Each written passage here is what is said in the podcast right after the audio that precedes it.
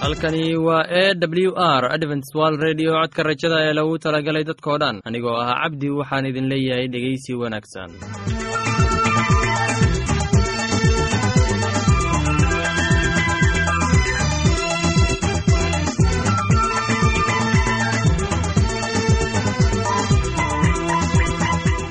barnaamijyadeena maanta waa laba qaybood. Qaybta kuwaad waxaad ku maqli doontaan barnaamijka nolosha qoyska. Kadib waxaa inoo raaci doonaa cashar inaga yimid buugga nolosha. Dhegeystayaasheenna qiimaha iyo qadarinta mudano waxaan filayaa inaad si habboon u dhegeysan doontaan.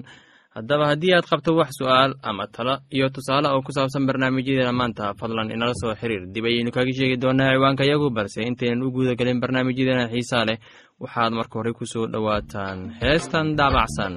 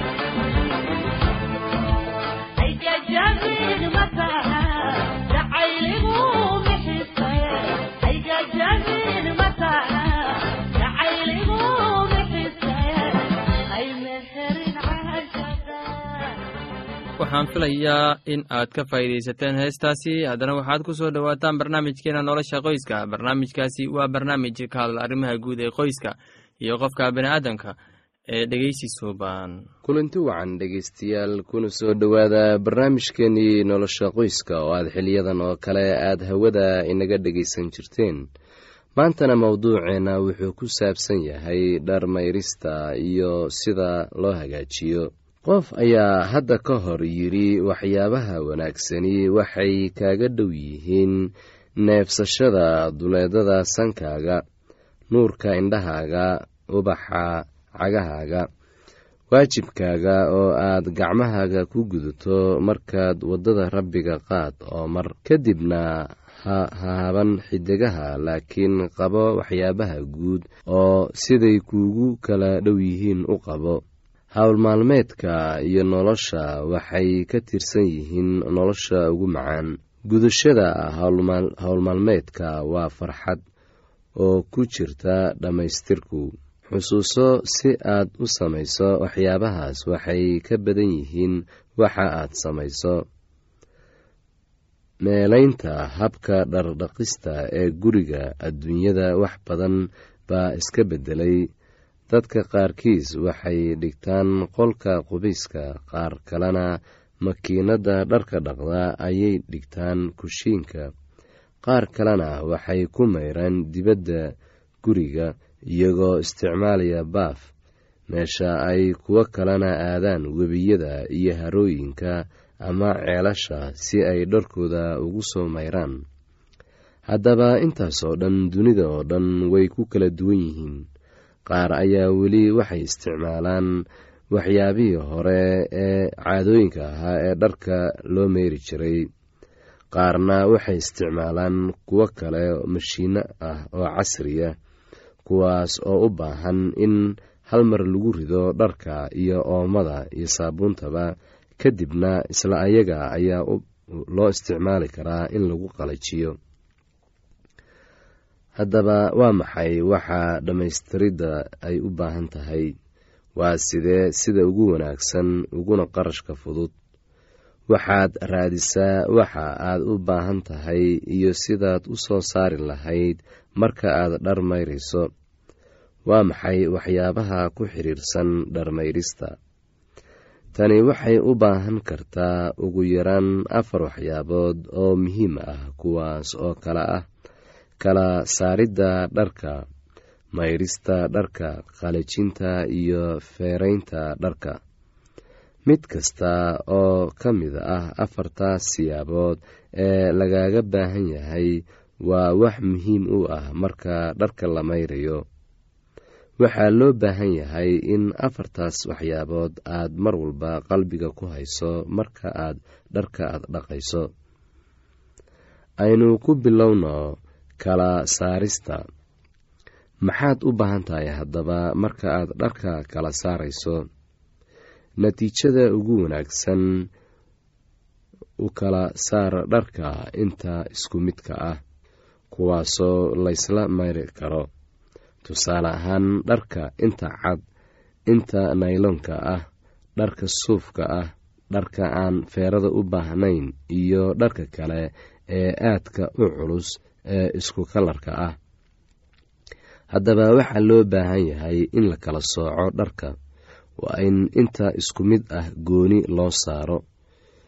Marka aad kala saarto fatash jeebabka oo dhan oo ka soo saar waxyaabaha ku jira. Haddaba waxaa loo baahan yahay in waxyaabaha jeebabka ku jira sida waraaqaha dukumiintiga ah ama waxyaabaha kale in dhammaan jeebka laga saaro oo meel qalalan la dhigo. Waxaa dhacdaa mararka qaarkood in dad badani ay jeebabka ku iloobaan waraaqo muhiim u ah ayagoo had iyo goorba jeebka gashanaya waraaqaha kuna iloobaya haddaba waxaa loo baahan yahay inta aan dharka la mayrin in laga soo saaro waxyaabahaas si aan loo baabi'in. Ka baar sidoo kale waxyaabaha ku daata dharka. Waxyaabahaas oo ay dhici karto in loo baahan yahay in marka hore la nadiifiyo inta aysan kuwa kale gaadhin waxaa ka mid ah waxyaabahaasi matalan saliidda ama oolyada ama rinjiga waxaa laga rabaa inaad ku bilowdo adoo dhammaan shaararka iyo fanaanadaha mayraya ka hor saraawiisha iyo goonooyinka iyo dharka kale ee culus. Sigsaanta waa in gooni loo mayro si aysan kuwa kale u wasaqayn. Sidoo kale waxaa gooni loo mayri karaa nigisyada oo ay tahay in si gooniya loo dhaqo. Haddaba waxyaabahaasi oo la yidhaahdo underwiirka waa in si gaar ah loo dhaqaa waxaa kale oo muhiim ah in qof walba dharka uu leeyahay gooni loo dhaqo waayo dadka isku dhidid maaha wayna kala duwan yihiin. Waxaana dhici kartaa in dadka qaarkood ay jiran yihiin.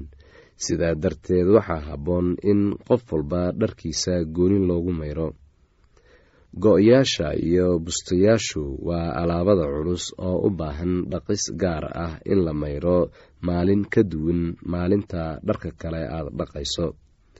Waxaa loo baahan yahay in go-yaasha culculus iyo bustayaashaba in marka hore biyo iyo oomo lagu radiyo oo kadibna lagu shubo daawada dhibtoolka ah ee jeermiska disha.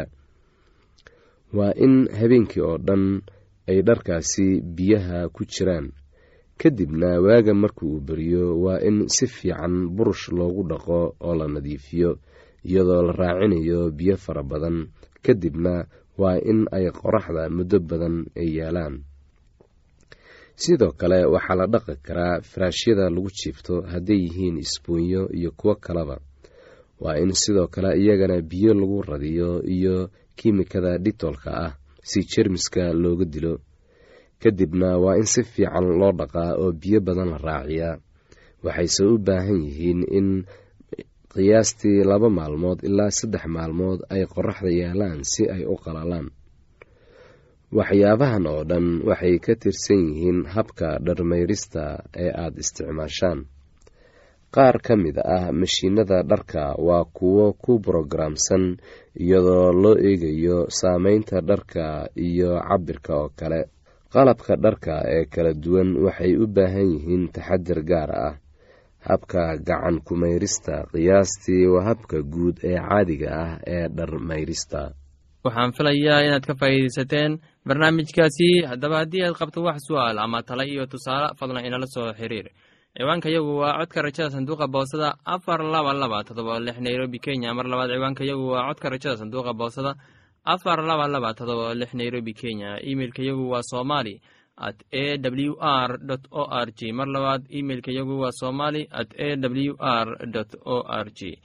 Ama barta internetka ciwaanka yagu oo ah w w w dot codka rajada o r g. Mar labaad ciwaanka yagu waa w w w dot codka rajada dot o r g ama waxaad inagala soo xiriiri kartaan barta emesonka ciwaanka yagu oo ah codka rajada at hotmail com. Haddana kabawasho wacani heestani soo socota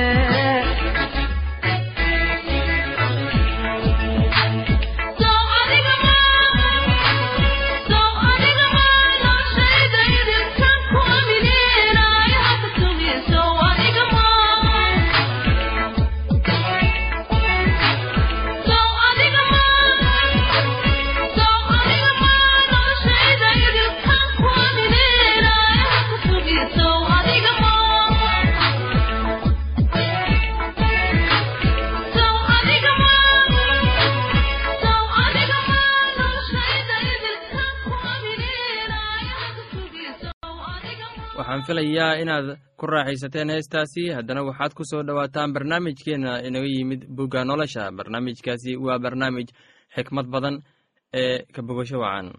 Oo malaa'igtii rabbigu waxay ku tiri iyadii bal eeg uur baad leedahay oo wiil baad dhali doontaa. Magaciisana waxaad u bixin doontaa ismaaciil.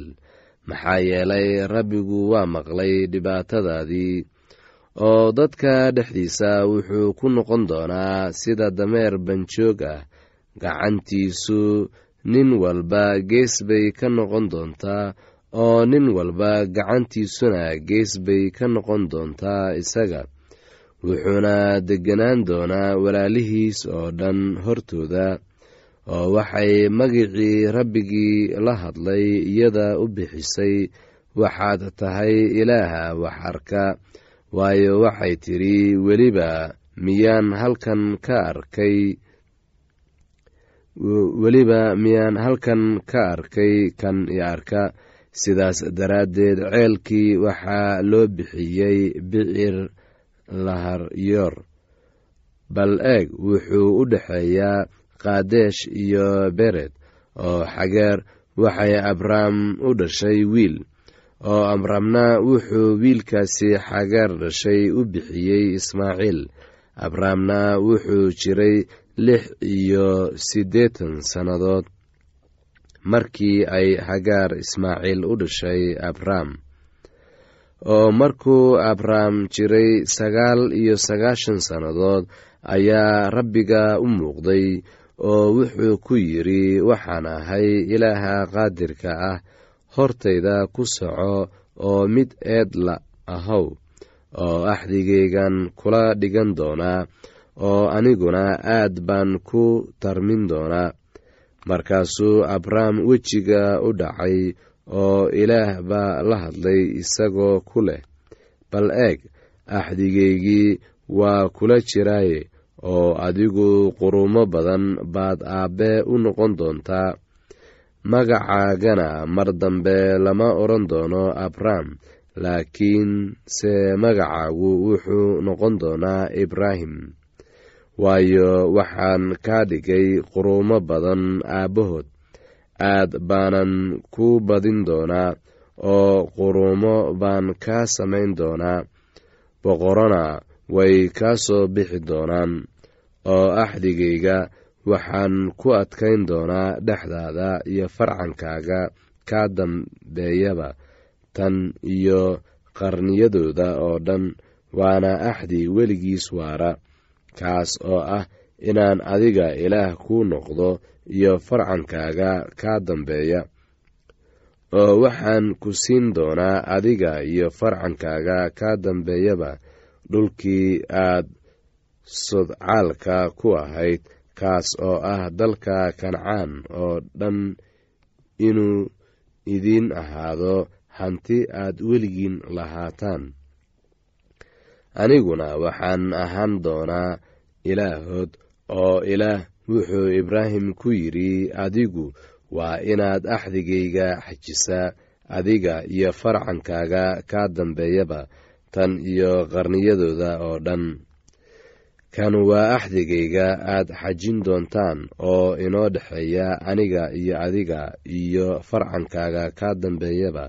Mid kasta oo lab oo idinku jira waa in la gudaa oo waxaad iska gudi doontaan buuryadiinna waxayna calaamo u noqon doontaa axdiga ina dhex yaal aniga iyo idinka. Kii sideed maalmood jira oo idinku dhex jira waa in la gudaa mid kasta oo labtan iyo qarniyadiina oo dhan.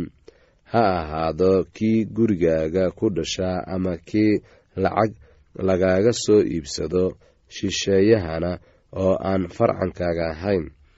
Kii gurigaaga ku dhashaa iyo kii lacagtaada lagu iibsadaba waa in la gudaa axdigayguna wuxuu jidhkiina ku noqon doonaa axdi weligiis waara oo buuryaqabka lab oo aan buuryadiisa laga gooyin midkaasu waa ka go'i doonaa dadkiisa waayo axdigeygii buu jebiyey oo ilaah wuxuu ibraahim ku yidhi naagtaada saarayna magaceeda waa inaadan ugu yeerin saaray laakiinse magaceedu wuxuu ahaan doonaa saara oo iyadan barakadayn doonaa oo weliba wiil baan kaa siin doonaa iyadan barakadayn doonaa oo waxay weliba ku dhali doontaa wiil oo wiil oo waxay noqon doontaa quruumo hooyadood. Heestaasi iyo casharka buugga nolosha ayaanu ku soo gabgabayneynaa barnaamijyadeena maanta. Halkaad inaga dhegeysanaysaan waa laanta afka soomaaliga ee codka rajada ee loogu talagelay dadka dhan.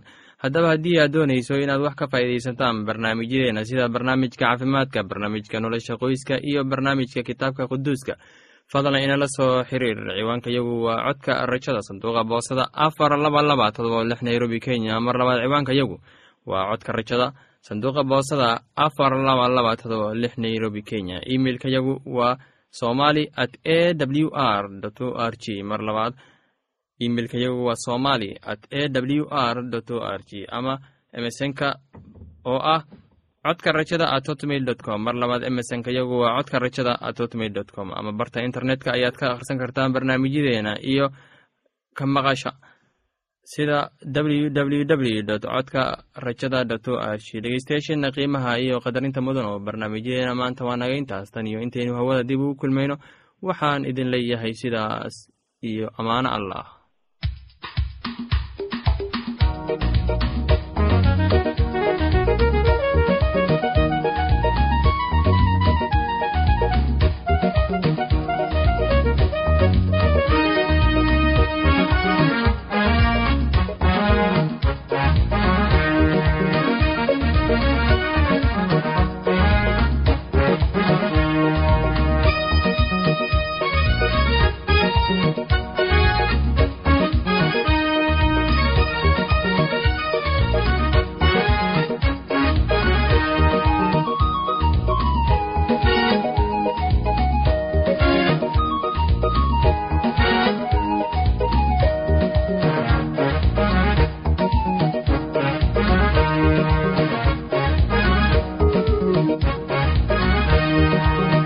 jacayl waa dakhara kul hadhibaha kula soo desro jacayl waa dakhara kul hadhibaha kula soo desro dareen weeye aan hadhay intaa kala durugsantiin miday naftu damacsanayd jacayl waa dakhara kul dhibaha kula soo desro jacayl waa dakhara kul dhibaha kula soo desro dareen weeye aan hadhay intaa kala durugsantiin miday naftu damacsanayd dayre waa nacab u daran dadkuna kugu cebsadaan dayre waa nacab u daran dadkuna kugu cebsadaan ha yeeshee